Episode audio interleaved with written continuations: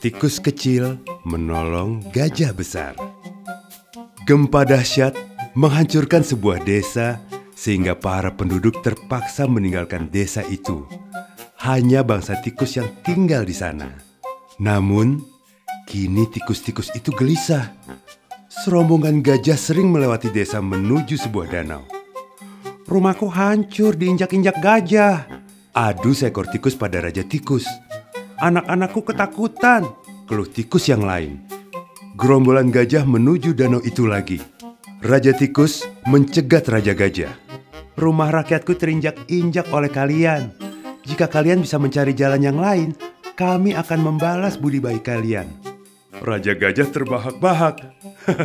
kalian tikus kecil tak berdaya, kami tak butuh kalian. Dengan tubuh besar ini, kami aman-aman saja. Suatu hari, Raja Gajah tertangkap para pemburu. Ia dimasukkan ke dalam kandang kayu. Astaga, kandang kayu ini terlalu kukuh untuk kudobrak, keluh Raja Gajah. Bagaimana caraku meloloskan diri? Raja Gajah mulai putus asa. Raja Gajah, kami datang untuk menolongmu. Tiba-tiba Raja Tikus muncul bersama rakyatnya. Gigiti kayu-kayu itu hingga roboh. Raja Tikus memerintahkan rakyatnya. Dan bebaslah Raja Gajah. Terima kasih, maafkan perkataanku yang dulu meremehkan kalian ya. Raja Tikus pun tersenyum. Yang berlalu, biarlah berlalu.